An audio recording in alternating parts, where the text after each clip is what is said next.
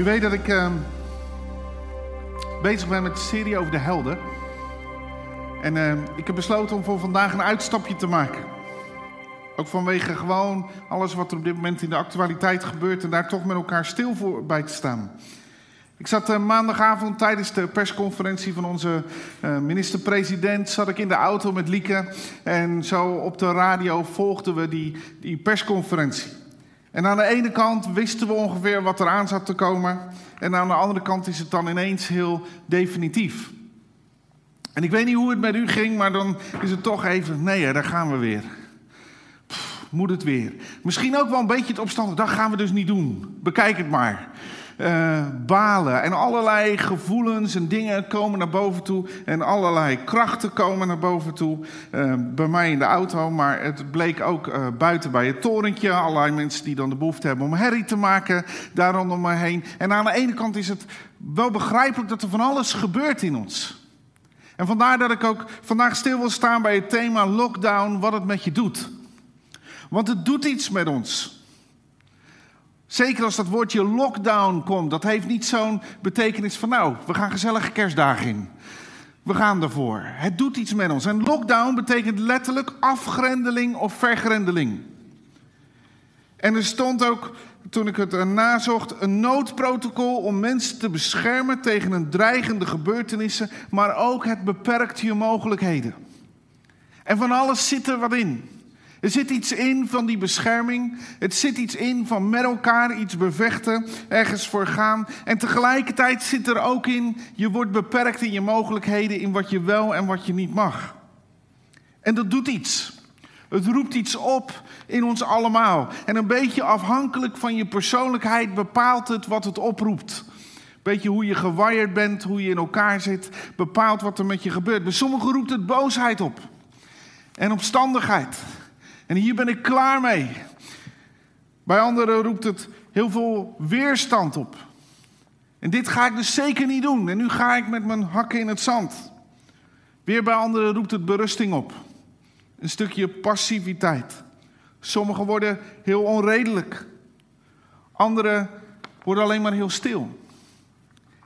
En ineens moet er dan van alles gebeuren. En ik zag het ook om me heen. Op school moest ineens alles om. Moesten we weer naar. Uh, online lessen toe, wat ook heel veel gevolgen heeft voor kwetsbare leerlingen. Er moet er van alles gebeuren. Als gemeente moet je schakelen met elkaar. En ineens is alles is in beweging. En dan is het eigenlijk niet zo leuk hoe het dan gaat met elkaar. Want je wil zo graag, we hadden het gevoel dat je weer even vooruit komt. Ik weet niet hoe het met u was in maart, maar toen in maart eh, en april we die lockdown ingingen, dacht ik, nou, straks na de vakantie is alles weer normaal. En ik heb zomaar het gevoel dat ik niet de enige was. We toch zoiets hadden september, dan beginnen we weer overnieuw. En in september was het nog niet helemaal normaal, maar we leken wel weer een beetje in die stijgende lijn te zitten. Het leek allemaal weer een beetje normaal te gaan. We konden hier weer met honderd bij elkaar komen. En, en toen ineens in oktober was er een dipje. Maar er was toch ook wel de hoop, met kerst komt het wel weer goed. Als we even ons best doen met kerst dan. Maar wie had een jaar geleden gedacht dat we de kerst zullen hebben die we dit jaar hebben met elkaar? En dan doet dat van alles met mensen. En het drijft mensen uit elkaar. Het polariseert op een of andere manier. Het zorgt soms voor loopgraven die mensen ingaan. En soms is het fijn dat we internet hebben en soms is het balen, want iedereen kan er ook maar alles op zetten zonder over na te denken. Het zorgt soms voor oordeel en afwijzing. Het zorgt voor eenzaamheid. Of soms zorgt het ook juist voor een gezamenlijke vijand. En ik zie om me heen ook gewoon hoe, uh, ik weet niet hoe het bij u is, maar hoe sterker je eigenlijk ziet dat er meer mensen om ons heen ziek zijn, soms ook uh, ernstig ziek zijn. Er gebeurt van alles en we hebben een klus te klaren met elkaar. Maar de vraag is, wat doet zo'n lockdown nou met jou? En wat doet het met mij? En wie wil Jezus zijn juist op dit moment? In zo'n periode? Hoe, hoe vind je dan een anker? Hoe, hoe kom je dan als het ware vast te staan? En daar wil ik met u naar kijken. We leven in adventtijd en de vier adventskaarsen zijn aan. Ook zoiets, normaal aangestoken door een van de kinderen. Waar we met elkaar hier zitten en ouders een, een, fotootje maken. En, en allemaal dat soort dingen die we zo gewoon vonden. Uh, kunnen we nu ineens waarderen als van... hé, hey, wat was dat bijzonder dat we dat gewoon konden doen. Maar adventtijd. En adventtijd, levend naar kerst, eigenlijk de tijd van verwachting. Er gaat iets komen, ergens naar uitzien. En eigenlijk was dat in de tijd van kerst eigenlijk wel precies hetzelfde. Israël leefde eigenlijk al jaren in verwachting. En die verwachting begon eigenlijk al bij Adam en Eva toen God zei: Er zal een, iemand komen. Er zal komen, ik ga mijn zoon sturen naar deze wereld om deze wereld te redden en er voor deze wereld te zijn. En Israël leeft in, uh, in verwachting. Maar tegelijkertijd zou ik willen zeggen, het woord was toen nog niet uitgevonden, maar eigenlijk zat Israël ook in een lockdown. Want Israël mocht niet doen wat ze altijd wilden doen. Ze mochten niet leven zoals ze wilden leven, want ze waren op dat moment bezet door de Romeinen. En in de jaren daarvoor ook nog bezet uh, door de Grieken. En er was, uh, er was heel weinig vrijheid. En de Grieken en de Romeinen brachten een ander denken binnen. Wat de, met name de Grieken zijn daarmee gestart. Die, die kwamen de steden binnen en brachten eigenlijk het hele Griekse denken binnen. En de Griekse goden binnen. En de Griekse godsdienst binnen. En probeerden eigenlijk het denken om te vormen naar het Griekse denken. Vandaar dat we het ook vandaag de dag nog vaak hebben over het Griekse denken. Romeinen deden hetzelfde. Ook zij brachten hun goden binnen. En er waren allemaal invloeden en beperkingen die uh, Israël eigenlijk niet zo ontzettend fijn vond. En het beïnvloedde hun handelen, vrijheden en hun rechten. En dat is de situatie waarin Jezus komt. En dan Jezus, of Israël leeft in de verwachting van een Messias. En Jezaja 9 sprak daarover. De profeet Jezaja had gesproken vanaf vers 1. En er staat het volgende. Het volk dat nu in het donker leeft, zal een stralend licht zien. Een helder licht zal schijnen in het land waar het nu nog donker is. Heer, door u is het volk weer groot. U geeft de mensen weer vreugde. Zo blij zijn de mensen ook als ze de oogst van het land hebben gehaald. Zo blij zijn de mensen ook als ze het bezit van de vijand hebben verdeeld. Uw volk werd onderdrukt. De mensen werden met een zweep geslagen en de stok kwam op hun schouders neer. Maar u hebt de zweep en de stok gebroken. U hebt uw volk opnieuw bevrijd. En de laarzen van soldaten en hun jassen vol met bloed, die werden in het vuur gegooid. Ja, alles wordt verbrand. Want er is een kind geboren. En we hebben weer een koning. En hij zal over ons regeren. En zo zullen de mensen hem noemen: wijze bestuurder, sterke God, vader voor altijd, koning van vrede. En zijn macht zal steeds groter worden en er zal altijd vrede zijn. En hij zal op de troon van David zitten en hij zal koning zijn. Een koning zoals David was, rechtvaardig en eerlijk. En zo'n koning zal hij zijn voor altijd en eeuwig. De machtige Heer zal daarvoor zorgen. Het zal zeker gebeuren. En dit was een gedeelte wat alle Israëlieten kenden. En dit is waar ze naar uitzagen, waar ze verwachting voor hadden. Een belofte van God. En tegelijkertijd, als je zo'n belofte van God krijgt, vormt zich in je hoofd ook een beeld hoe dat plaats gaat vinden. Zij hadden daar beelden bij. En ik denk als je aan een Israëliet in de tijd van de Romeinen had gevraagd: hoe gaat dat met die Messias? Ze nou, die wordt geboren. En die heeft dan een leger en die plettert gewoon de Romeinen eruit. En dan kunnen we weer doen wat we willen. Die staat op, die gaat de boel veranderen. Dat was een associatie met de Messias op dat moment. Er was een verlangen naar bevrijding. Er was een verlangen van loskomen uit de lockdown van dat moment. En ze verwachten midden in die lockdown een Messias, een bevrijder, een verlosser. Ze zien alles slechter worden. Ze zien alles beperkt worden en verwachten dat iemand zal opstaan en hen zal leiden om daar vrij van te worden. Een Messias die afrekent met de Romeinen en uiteindelijk opnieuw koning zal worden. Het koningschap van David zal herstellen. Vrijheid terug zal brengen. En dan, als ze in die verwachting leven, dan komen er allerlei krachten op gang. Want er zijn er mensen die zeggen: hé, hey, wij moeten opstaan. En we moeten deze weg banen. En we moeten hiervoor gaan. En er kwamen allemaal groeperingen op gang en krachten op gang. De wereld is gewoon altijd hetzelfde gebleven. Er is niks veranderd met nu. En mensen die zich gingen roeren en laten horen. En een van de belangrijkste groepen daarvan is de zeeloten. Misschien wel bekend omdat in de Bijbel Simon de zeeloot. Petrus, die eerst Simon heette, wordt de zeeloot genoemd. En dat is een groep die zegt: hey, we moeten niet laten gebeuren wat er om ons heen allemaal gebeurt. We moeten opstaan en moeten verandering brengen. En we moeten uiteindelijk de, de, alvast de weg banen, ook voor de Messias, om te zorgen dat deze macht gebroken wordt. Men denkt dat ook Judas een zeeloot was. En dat is even interessant, dat Judas raakt enorm teleurgesteld in Jezus, omdat hij blijkbaar niet doet wat hij verwacht. En Petrus weet op een of andere manier het denken van Jezus te grijpen. Dat is een zijsprongetje, maar wel denk ik heel leuk om een keer zelf dan in te verdiepen. Wat is een zeeloot? Uh, wij denken dan gelijk aan zee en een lood of zo, wat je erin laat zakken, want dat woord heeft geen enkele betekenis verder in ons Nederlands. Maar als je hem in het uh, Hebreeuws en vertaalt, dan betekent het ijveraar. En de, ze hadden zich zo genoemd omdat ze zichzelf zagen als de ijveraars voor de heiligheid van God. Dus het waren niet mensen die gewoon hooligans waren en zin hadden in een potje vechten. Het waren mensen die heel serieus zeiden: de heiligheid van God moet terugkomen. En daar ben ik een beijveraar van. Dat is het doel van mijn leven. Dat is de passie van mijn leven. Dat de heiligheid van God terug zal komen. Misschien nooit zo over nagedacht. Ik dacht altijd gewoon een stelletje opstandelingen. Maar dat is wat ze wilden. En een van de dingen die ze zeiden, ze zeiden het keizerlijk gezag is godslastelijk. Is dat raar? Nee, want de keizer noemde zichzelf God. En je aanbad als ware de keizer en bracht andere afgoden binnen. Dus zij zeiden, de keizer brengt iets binnen wat mensen van God afleidt. En daar moeten we hem tegen opstaan, daar moeten we tegen ageren. En een van de belangrijkste dingen wat de mildste groepering van de zeeloten doet om op te staan tegen de keizer, is om geen belasting te betalen. Belangrijkste wapen van de mildste groeperingen van de zeeloten is geen belasting betalen. Daarmee zetten we een signaal.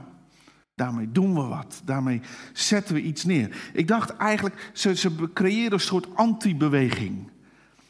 Misschien wel zou het het Facebook van vandaag zijn. Daar kan ik in ieder geval wat laten horen. Dat was hun manier om een signaal te geven. Hier ben ik het niet mee eens en hier doe ik niet mee. mee. Of misschien wel het gevoel, ik zet die mondkap niet op. Ik doe het gewoon niet. En ik ga het me even niet om of je gelijk hebt of niet. Maar soms zie ik dat mensen het vooral uit een anti-beweging reageren. Net als die zeeloten hier. Er was ook nog een extremere groep binnen de zeeloten. Dat waren de Cisariërs en die pleegden aanslagen. Die dachten, we laten het niet alleen bij geen belasting betalen, maar ze plegen ook aanslagen en doen allerlei dingen. Ook de Bijbel spreekt daarover. En hun gedachte was, en daarom vind ik het belangrijk om mee te nemen, de bron van hun gedachte was goed. We willen dat de heiligheid van God terugkomt. We willen dat God opnieuw centraal staat. Daar is niets mis mee. En de manier waarop we dat moeten doen, is door de Romeinen te bestrijden. Door op te staan tegen de Romeinen. En hun verwachting en hun beeld van de komende Messias was dat hij in dat spoor met hen verder zou gaan. Dat hij hen daarin zou leiden, zou opstaan. Ik denk dat zij veldslagen voor zich zagen, een leger voor zich zagen, de Romeinen eruit. En dat, dat was hun beeld. Het gekke is, Soms is het beeld in ons hoofd wat wij hebben van de belofte van God niet altijd de weg van God. En dat is spannend om over na te denken. Want het is veel fijner als God het doet zoals ik het in mijn hoofd heb. Maar God doet het soms anders. En dus met Jezus wordt geboren en groeit op, want ik ga het eigenlijk niet echt over de geboorte hebben, maar daarnaast die groeit op, groeit in deze atmosfeer, in deze verwachting groeit hij op. En gaat hij uiteindelijk zijn bediening oppakken. Met een volk wat een verwachting heeft dat de Messias gaat ingrijpen en eigenlijk in het spoor van de zeeloten zal meegaan. En dan is de grote vraag, hoe stelt dit kind zich op? Wat uiteindelijk geen kind meer is, maar inmiddels 30 jaar als die openbaar wordt. En waarom vind ik dat interessant? Omdat ik op dit moment soms ook zo heen en weer zie vliegen hoe we als christenen, hoe we als gelovigen reageren op allerlei dingen. Elkaar bijna doodknokken op internet. Uh, met de een dit en de ander zus. Ik, ik, weet niet of u het soms ook volgt, maar soms christenen die tegen elkaar tekeer gaan op internet. Hoe het zit met het vaccin en met dit en wat we wel moeten doen en niet moeten doen. En dan denk ik, stel nou dat ik geen christen ben. En dat ik dan lees, denk, ga me gelijk bekeren. Die mensen hebben een rust en een vrede. Die mensen gaan ervoor. Zo wil ik ook worden. En misschien is dit een beetje gemeen, maar wel eerlijk om over na te denken. Wat bieden wij deze wereld in de lockdown van vandaag? Wat geven wij door? En daarom vind ik het interessant om even voorbij onze eigen mening te gaan en eens te kijken wat deed Jezus in die situatie? Hoe stelde hij zich op? Hij voldeed niet aan de verwachting van mensen, hij deed het anders. En hoe zat het dan precies? Want Jezus werd geen zeeloot. Hij deed het volkomen anders. En toch was hij revolutionair. Want we hebben het nog over hem. Toch bracht hij een revolutie teweeg als de zoon van God. Die een complete verandering in de wereld bracht. Maar hij deed het niet als zeeloot. Hij deed het anders. En ik denk dat het belangrijk is dat we als christenen en als kerk opnieuw gaan kijken op welke manier stelde Jezus zich op. Op welke manier bracht hij een revolutie teweeg in een knettermoeilijke tijd? Wat deed hij? Jezus is revolutionair, maar anders. Er vallen me een aantal dingen op. En u mag me hierover van, uh, van mening verschillen met mij, maar doe dat dan door de Bijbel in te duiken. Dat is de beste manier, denk ik. Wat Jezus niet doet, nergens, is om in de anti-houding te gaan. Jezus, je hoort bijna Jezus nooit bijna spreken dat hij tegen de Romeinen is. Eigenlijk heeft hij het helemaal niet over ze. Uh, ik had net al gezegd, een van de belangrijkste acties waar veel mensen aan meededen, was om geen belasting te betalen. Daarom waren ook de tollenaars nodig en daarom waren die zo gehaat. Ziet u even plaatje wat er gebeurt. Die tollenaars dwongen de belasting af en mensen wilden dat niet betalen, dus die waren gehaat. En dus je belangrijkste signaal je anti-signaal tegen de Romeinen, je signaal dat je niet meeging in, dat je anders was, was door geen belasting te betalen. Dat stelt de vraag die aan Jezus wordt gesteld in een heel ander daglicht. Als ze naar Jezus toekomen, zeggen ze: Is het geoorloofd om de keizer belasting te betalen? Dat gaat helemaal niet over geld. Daar zit dit hele verhaal van de zeeloten zit daarachter. De vraag is eigenlijk, hé hey Jezus, bekenniskleur. Waar sta je? Ben je voor ons? Ben je tegen ons? Ga je mee met de Romeinen of ga je mee met ons? Ziet u het polariserende in de vraag? Hoe vaak worden vandaag de dag niet polariserende vragen gesteld die een soort voor-tegen neerzetten? Het is een hele gemene vraag die ze stellen aan Jezus. En ze willen hem in een kamp trekken. Maar Jezus is niet van deze wereld. Hij is niet van het ene kamp van deze wereld of van het andere kamp van de wereld. Hij is de zoon van God. En zegt de Bijbel ook niet over jou en mij dat wij niet van deze wereld zijn. Dus eigenlijk ook laten we ervoor zorgen dat we ons niet laten polariseren. En wat zegt Jezus dan? Geef dan aan de keizer wat van de keizer is. En geef aan God wat van God is. Eigenlijk zegt Jezus hier: jullie stellen compleet de verkeerde vraag. Je snapt niks van wat ik aan het doen ben. Je snapt niks wat ik aan het vertellen ben. En ik vind het soms zo knap. Jezus had gewoon altijd in milliseconden de goede antwoorden. Die wist gewoon altijd precies wat hij moest zeggen. En die zorgde gewoon dat hij niet gedwongen werd om de een of de andere kanten te gaan, zodat de mensen konden zeggen: Oh, hij hoort bij ons hoor, hij is, hij is het met ons eens. Of dat de anderen konden zeggen: Nee, nu hebben we hem in ons kamp. Jezus deed het anders. En hoe kunnen we ervoor zorgen, ook als christenen en als kerken, Dat we niet in een kamp getrokken worden. En dat het er niet om gaat wat we wel doen of wat we niet doen. Maar dat het erom gaat voor wie we staan. En wie we willen laten zien. Het tweede wat mij opvalt, en ik zei hem net al even kort. In alle evangeliën zie je nergens dat Jezus oproept tot verzet tegen de Romeinen. En dat is eigenlijk raar. Want de Romeinen brengen andere goden binnen. Ze onderdrukken Israël. Ze zorgen dat er geen eigen koningschap kan zijn wat God ooit ingesteld had. En toch nergens zie ik Jezus spreken tegen de Romeinen. Sterker nog, hij helpt een hoofdman. Hij is er voor ze. Dat is gek wat daar gebeurt. En dat is echt iets om over na te denken. Ook vandaag. Weet je wat ik denk? Jezus wilde dat zijn prediking niet ging over wat er niet goed was en waar hij tegen was. Maar hij wilde dat zijn boodschap ging over waar hij voor was. Ik zie Jezus eigenlijk geen enkel in relatie tot de Romeinen geen enkel politiek standpunt innemen. Blijkbaar vindt hij het niet nodig. Dat is gek. Dat is raar. Misschien nooit over nagedacht. Maar heeft het er nooit over. Terwijl die Romeinen wel overal waren. Ik bedoel, het was niet zo dat Jezus niet door had. Dat zei, oh, zijn er ook Romeinen hier dan? Nee, het was redelijk duidelijk. Herodes vermoordt Johannes. Herodes neergezet door de Romeinen. Wat doet Jezus wel?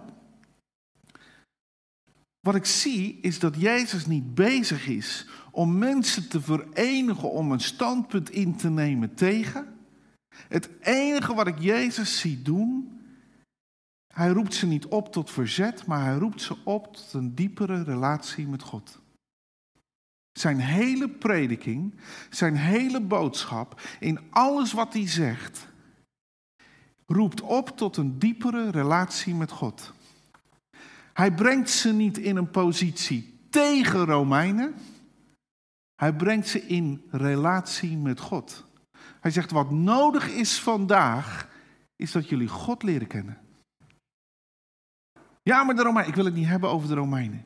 Het is nodig dat je God leert kennen, wie Hij is. En hij begint een plaatje te schilderen van God als Vader wie God als vader is. Hij begint te spreken, maar mijn last is licht en mijn juk is zacht. En dan zegt hij, hé, hey, dus lichte juk op je schouders, maar weet je wat ik heb voor je? Mijn juk is zacht, mijn last is licht. Hij begint te spreken over hoe het koninkrijk van God werkt. En niet hoe fout het koninkrijk van de Romeinen werkt. Hij begint te spreken over gewoon hoe het koninkrijk van God in elkaar zit. Hij begint te spreken dat je zei, jullie weten eigenlijk niet wie God is. Door alle regels en wetten zijn jullie het zicht op het hart van God kwijtgeraakt. En de oplossing voor vandaag is geen veldslag. Het is niet een antibeweging. De oplossing voor vandaag is dat je God opnieuw leert kennen. Zou dat nu anders zijn dan toen? Wat zijn mensen erbij gebaat of wij als kerk wel of niet vinden dat er een mondkapje op moet, of wel of niet? Of zijn ze er gebaat dat ze de God van de hemel en de aarde leren kennen en zijn zoon? En is het onze uitdaging om juist nu te vertellen wie hij is? En ik vind het heel interessant, omdat echt in, de, in die tijd heeft Jezus echt een rare boodschap. Ik denk dat mensen misschien soms wel eens iets bij hem hadden van, leeft hij wel in de realiteit? Weet hij wel wat er aan de hand is? Heeft het nooit over die Romeinen en de. Romeinse soldaten konden mensen pressen om die mijl met hen te lopen. En hun bepakking te dragen. Pas geleden, volgens mij was het Bernard die daar wat over, over zei. En dat gebeurde ook gewoon. Dat is een beetje het idee dat als ik geen zin heb om mijn boodschappen naar de auto te dragen, dat ik gewoon tegen iemand zeg: hey, jij moet het doen. En als je het niet doet, ga je de gevangenis in. Als we dat in gaan voeren, staat dat in de krant. En vinden we daar van alles van. En Jezus doet er niks mee. Hij laat het. En dat lijkt zo raar. En als iemand je slaat op je wang, keer je andere wang toe. Betekent dat dat Jezus zegt, je moet alles maar gebeuren? Ik denk dat Jezus heeft over wat is je focus? Wat vind je belangrijk? Waar ga je echt voor? En Jezus vergroot midden in de lockdown van zijn tijd, vergroot hij de kennis van God. Laat hij zien wie God is. En ik denk dat Jezus niet aansloot bij de actualiteit, maar dat hij aansloot bij de nood en het gat in het hart van mensen. En belangrijk is dat wij niet gaan aansluiten bij alle uh, bovenstaande dingen, soms onbenullige dingen waar het om gaat. Er zullen sommigen het niet eens zijn die het nu horen. Zeggen, oh, het is niet onbenullig. Maar even in het kader van, maar waar gaat het echt om? Wat er in je hart gebeurt. En wie God is. En om eeuwigheid. En om rust. En om vrede. Daar hebben wij een antwoord voor. En ik zie dat Jezus één de kennis vergroot van wie God is. Twee, laat zien hoe het koninkrijk van God is. Wat het koninkrijk van God is. En drie, midden in alles maakt hij de kracht van het koninkrijk zichtbaar. Dat zijn de drie basic dingen eigenlijk die Jezus doet. Hij vergroot de kennis van God. Hij vergroot de kennis van het koninkrijk. En hij laat het koninkrijk zien. Het koninkrijk wordt zichtbaar door hem. Door genezing, bevrijding, herstel. Het wordt zichtbaar. En ik denk wel eens, moeten wij niet terug als kerk, als gemeente, gewoon naar die drie dingen? Zeggen, daar gaat het om. Daar gaat het om. Juist nu vandaag, dat mensen weten wie God is. Dat ze zijn zoon kennen. Dat is waar het om gaat. Dat, dat we laten zien hoe het koninkrijk van God werkt. En dat we de kracht van het koninkrijk zichtbaar maken.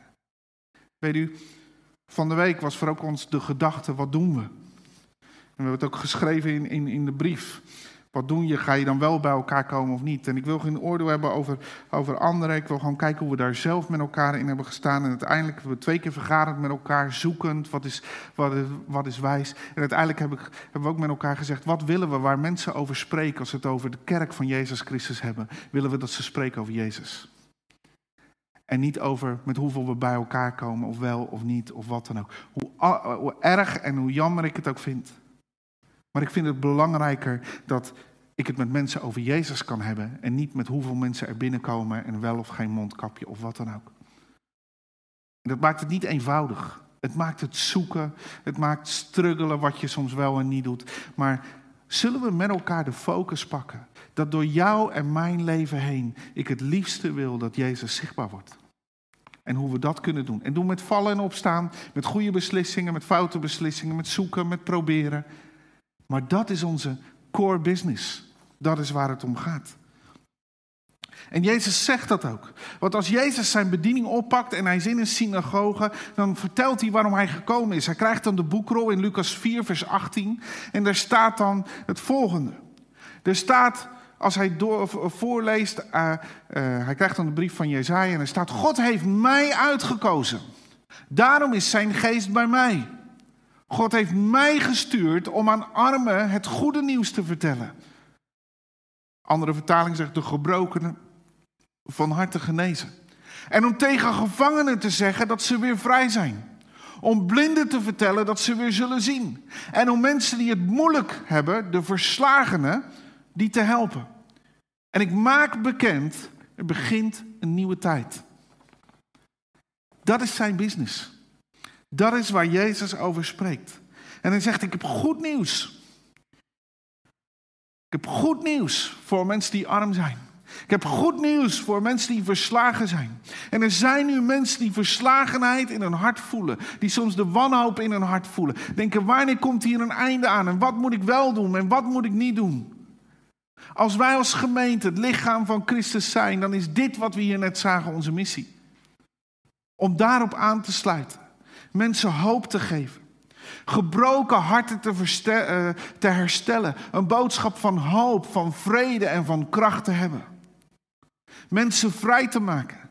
En ik denk waar mensen vandaag de dag het meest in gebonden zijn, is gebonden in angst. Hoe ziet mijn toekomst eruit? Hoe gaat het? Gaan we ooit nog normaal leven? Moet ik dat vaccin wel nemen of moet ik dat vaccin niet nemen? En we hebben als kerken er geen antwoord op. Maar we hebben wel iemand die het antwoord is en die vrede en rust kan geven in ons leven midden in de angst. En jouw en mijn missie is om mensen vrij te zetten van angst. Maar misschien betekent het wel eerst dat wij zelf weer moeten komen tot het moment wat we net zongen. Ik ga terug naar het hart van aanbidding. Want ik heb misschien wel mijn hoofd zo vol laten lopen met allerlei dingen, maar ik wil opnieuw aan uw voeten komen. En bij u de rust en de vrede vinden. Het is ook iets voor ons. Hij zegt dat hij gekomen is voor de blinden. En blinden hebben geen zicht. En zoveel mensen hebben geen perspectief vandaag. En ik heb geen perspectief hoe het allemaal zal gaan in de komende maanden. En heel veel mensen met ons niet. Maar ik heb wel perspectief op iets anders. Ik heb namelijk perspectief op de kribbe en ik heb perspectief op het kruis. En ik weet dat hij alles gedragen heeft en dat hij het fundament en het anker is, zelfs als ik de antwoorden niet heb. Is dat het perspectief wat we niet opnieuw moeten geven? Of misschien wel opnieuw beet moeten pakken in ons eigen leven? En het mooie is, in Jezus' bediening wordt hij aan deze dingen herkend. Als mensen over hem spraken, dan hadden ze het niet over zijn anti-beweging. Ze hadden het over hem, man, als je naar hem luistert, krijg je hoop, krijg je vrede. Hij geneest mensen, hij herstelt mensen, hij geeft de blinden weer zicht. Hij herstelt harten, maar hij herstelt ook lichamen. Hij is degene die verandering brengt. En daarom werd hij herkend. En daarom werd hij gevolgd. En dan staat er in vers 20, en toen deed Jezus het boek dicht. Hij gaf het aan de dienaar terug en ging zitten. En iedereen in de synagoge keek naar hem en Jezus zei, wat ik jullie net heb voorgelezen, is vandaag werkelijkheid geworden. Het is zo. Niet het gaat gebeuren. Niet we moeten nu een leger verzamelen. Het is werkelijkheid geworden. In mij is het te vinden. In mij ontmoet mij. Dit is in vervulling gegaan. Niet we gaan in opstand. Niet kom op, pak je hooivork en je wapens en weet ik voor wat. We gaan die Romeinen lesje leren en we gooien ze eruit, want zij zijn de schuld. Nee, zei hij, in mij is het antwoord te vinden. In mij is de vervulling. En dat is volgens mij ook, ja misschien is het wat simplistisch, de enige boodschap die we als kerk kunnen en moeten hebben. Jezus alleen. Jezus als centrum.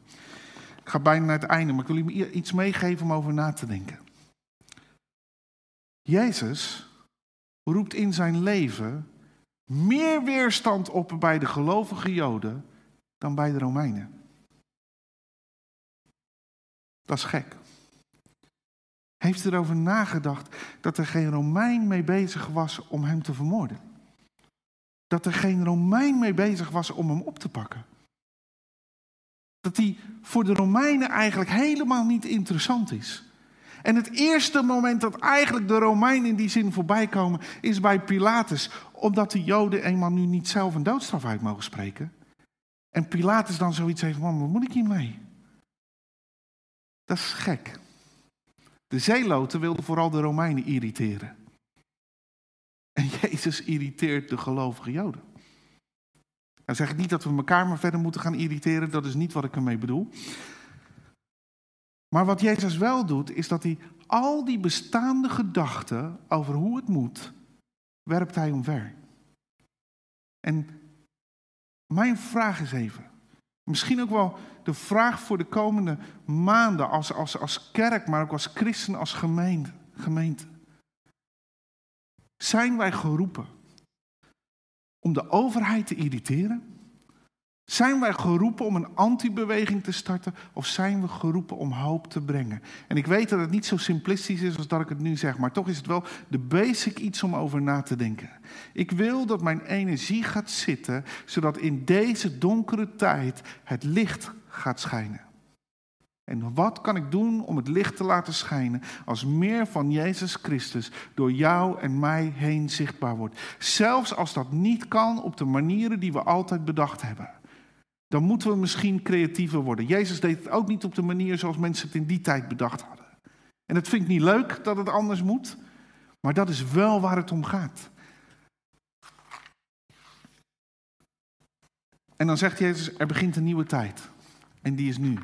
En misschien begint er voor ons ook wel een nieuwe tijd. En die is nu. En hij zegt eigenlijk, die tijd begint als je mij op deze manier leert kennen. Dat ik degene ben die verslagenen van hart aanraakt, gebrokenen van hart. Dat ik degene ben die bemoedigt. Dat ik degene ben die herstelt. Dat ik degene ben die uh, opnieuw God laat zien op een nieuwe manier, zoals je hem nog nooit gekend hebt. Zoals je hem nog nooit kent. Ook schiet nu ineens in mijn gedachten. Het volk had een heel vertekend beeld gekregen van wie God is. En wat Jezus doet, hij herstelt het beeld van God. En ik denk in deze tijd, mensen om ons heen hebben een vertekend beeld van God gekregen. Hij is saai, hij is dood, hij is van regels, je moet er niks. En de kerk, ach ja, die wil ook bij elkaar komen. En ach, nou laat het maar. Daarom komt er ook zoveel weerstand tegen de kerk. En moeten we daartegen vechten? Of is onze uitdaging dat vertekende beeld van God te herstellen en een kerk en een gemeente te zijn die uitreikt met liefde, met passie, met bewogenheid en doet wat Jezus deed? Weet u, de versteviging van de relatie met God, wat Jezus deed, als eerste in zijn discipelen, hij leerde ze echt kennen wie God was. En ze leerden God kennen op een manier zoals ze hem nog nooit gekend hadden. Ze kregen echt relatie met God, relatie met Jezus. En het zette een vuur aan. Niet een vuur van opstand, maar een passie om uit te reiken, te bemoedigen, te genezen en te herstellen. Dat is het vuur wat Jezus aandeed in zijn discipelen. Wat willen wij zichtbaar maken? Vandaag de dag. Menselijke kracht of goddelijke kracht? Wie willen we zichtbaar maken? Mijn mening of Gods hart? En toen dacht ik, in een lockdown is het misschien wel belangrijk dat we leren, look up. Misschien is dat wel de enige reactie die we zouden moeten hebben. Als er een lockdown is, is het voor ons om omhoog te kijken. Ik denk eraan als Petrus en Johannes in de gevangenis zitten, wat doet de gemeente?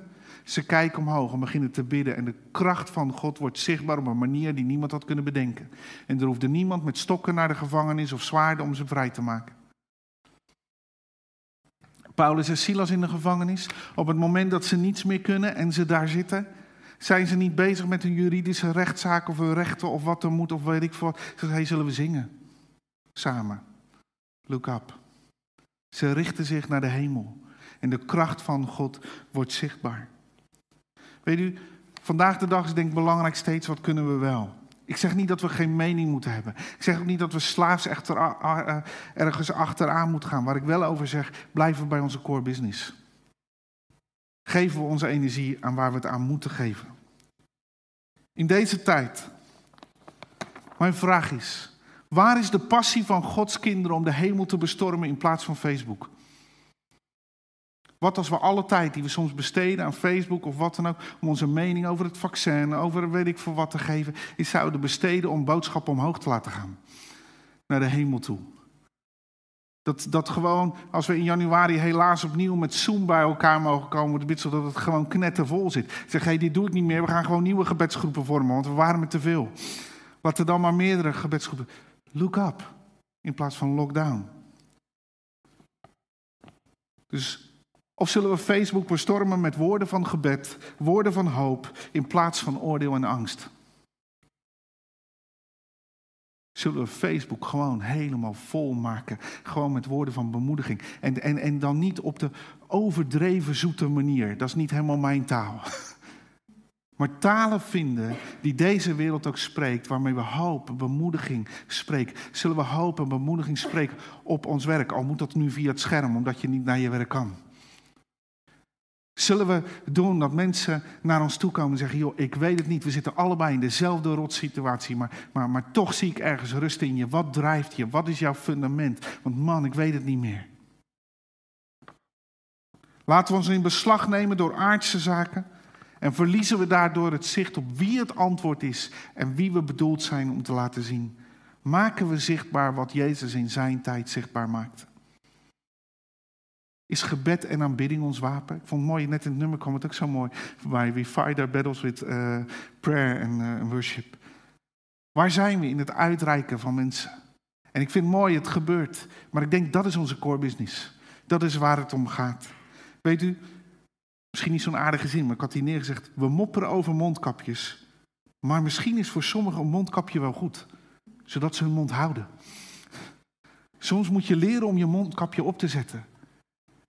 Weet u, en, en ik zeg dit even eerlijk, ik merkte op een gegeven moment ook eh, in, in alles met corona, ook op school, dat ik merkte, er zit, een soort negatieve vibe in mijn hoofd. Zo van, het is allemaal niks en hier tegen en dat niet en dat is niet goed geregeld en dit lukt niet. En dat, herkent u dat? Ben ik de enige die dat soort dingen heeft? Weet je wel, dat je gewoon, omdat alles anders moet, dat je een beetje negatief wordt in je hoofd. En op een gegeven moment ging ik mezelf ook gewoon horen zeggen tegen collega's, ja, dit is niet goed geregeld en dat moet nog, en zus moet nog. En ik dacht, maar wat verspreid ik nou? En voor mij was een mondkapje op dat moment gewoon heel goed. Misschien wel een melkkorf was beter geweest op dat moment. En dat je even terugkomt naar, hé, hey, maar wat wil ik neerzetten? Ik wil een bemoediger zijn. Ik wil een spreker van hoop zijn. Ik wil een spreker van uh, fundament zijn in levens. Dus het is niet een beschuldiging naar u. Het is een woord ook naar mijzelf toe, omdat ik denk dat we allemaal soms die neigingen in onszelf ervaren. Maar opnieuw terugkomen. Jezus, wie was u in uw lockdown? Toen u naar deze wereld kwam. Wie zijn wij vandaag, de lockdown? En ik geloof, ik wil team vragen naar voren te komen, dat daarvoor de eerste stap is. Om zelf terug te komen naar Jezus. En zeggen, hé, hey, Heer Jezus, allerlei dingen hebben mijn hoofd gevuld. En ik ben er misschien wel in meegesleept en, en gegaan. En, maar ik wil terugkomen bij u om die rust en die vrede te ervaren. Zoals Jezus als het ware eerst zijn discipelen naar zich toe haalde. En hij begon ze te vertellen wie de Vader is en wie het koninkrijk is. En het begon hen te vullen en daarvan begonnen ze uit te delen. En misschien herken jij wel thuis dat je zegt, man, soms zo onrustig in mijn hart. Of verdrietig of wanhopig. Dan in het volgende nummer zegt, Jesus is the center. Is dat we dat met elkaar zingen. En zeggen, Heer Jezus, ik kom naar u toe. Vul mijn hart met die vrede. In al mijn vragen, in al mijn dingen. En laat me een baken van hoop zijn. Zoals u dat was. Zullen we dat samen zingen ook thuis? Jesus is the center.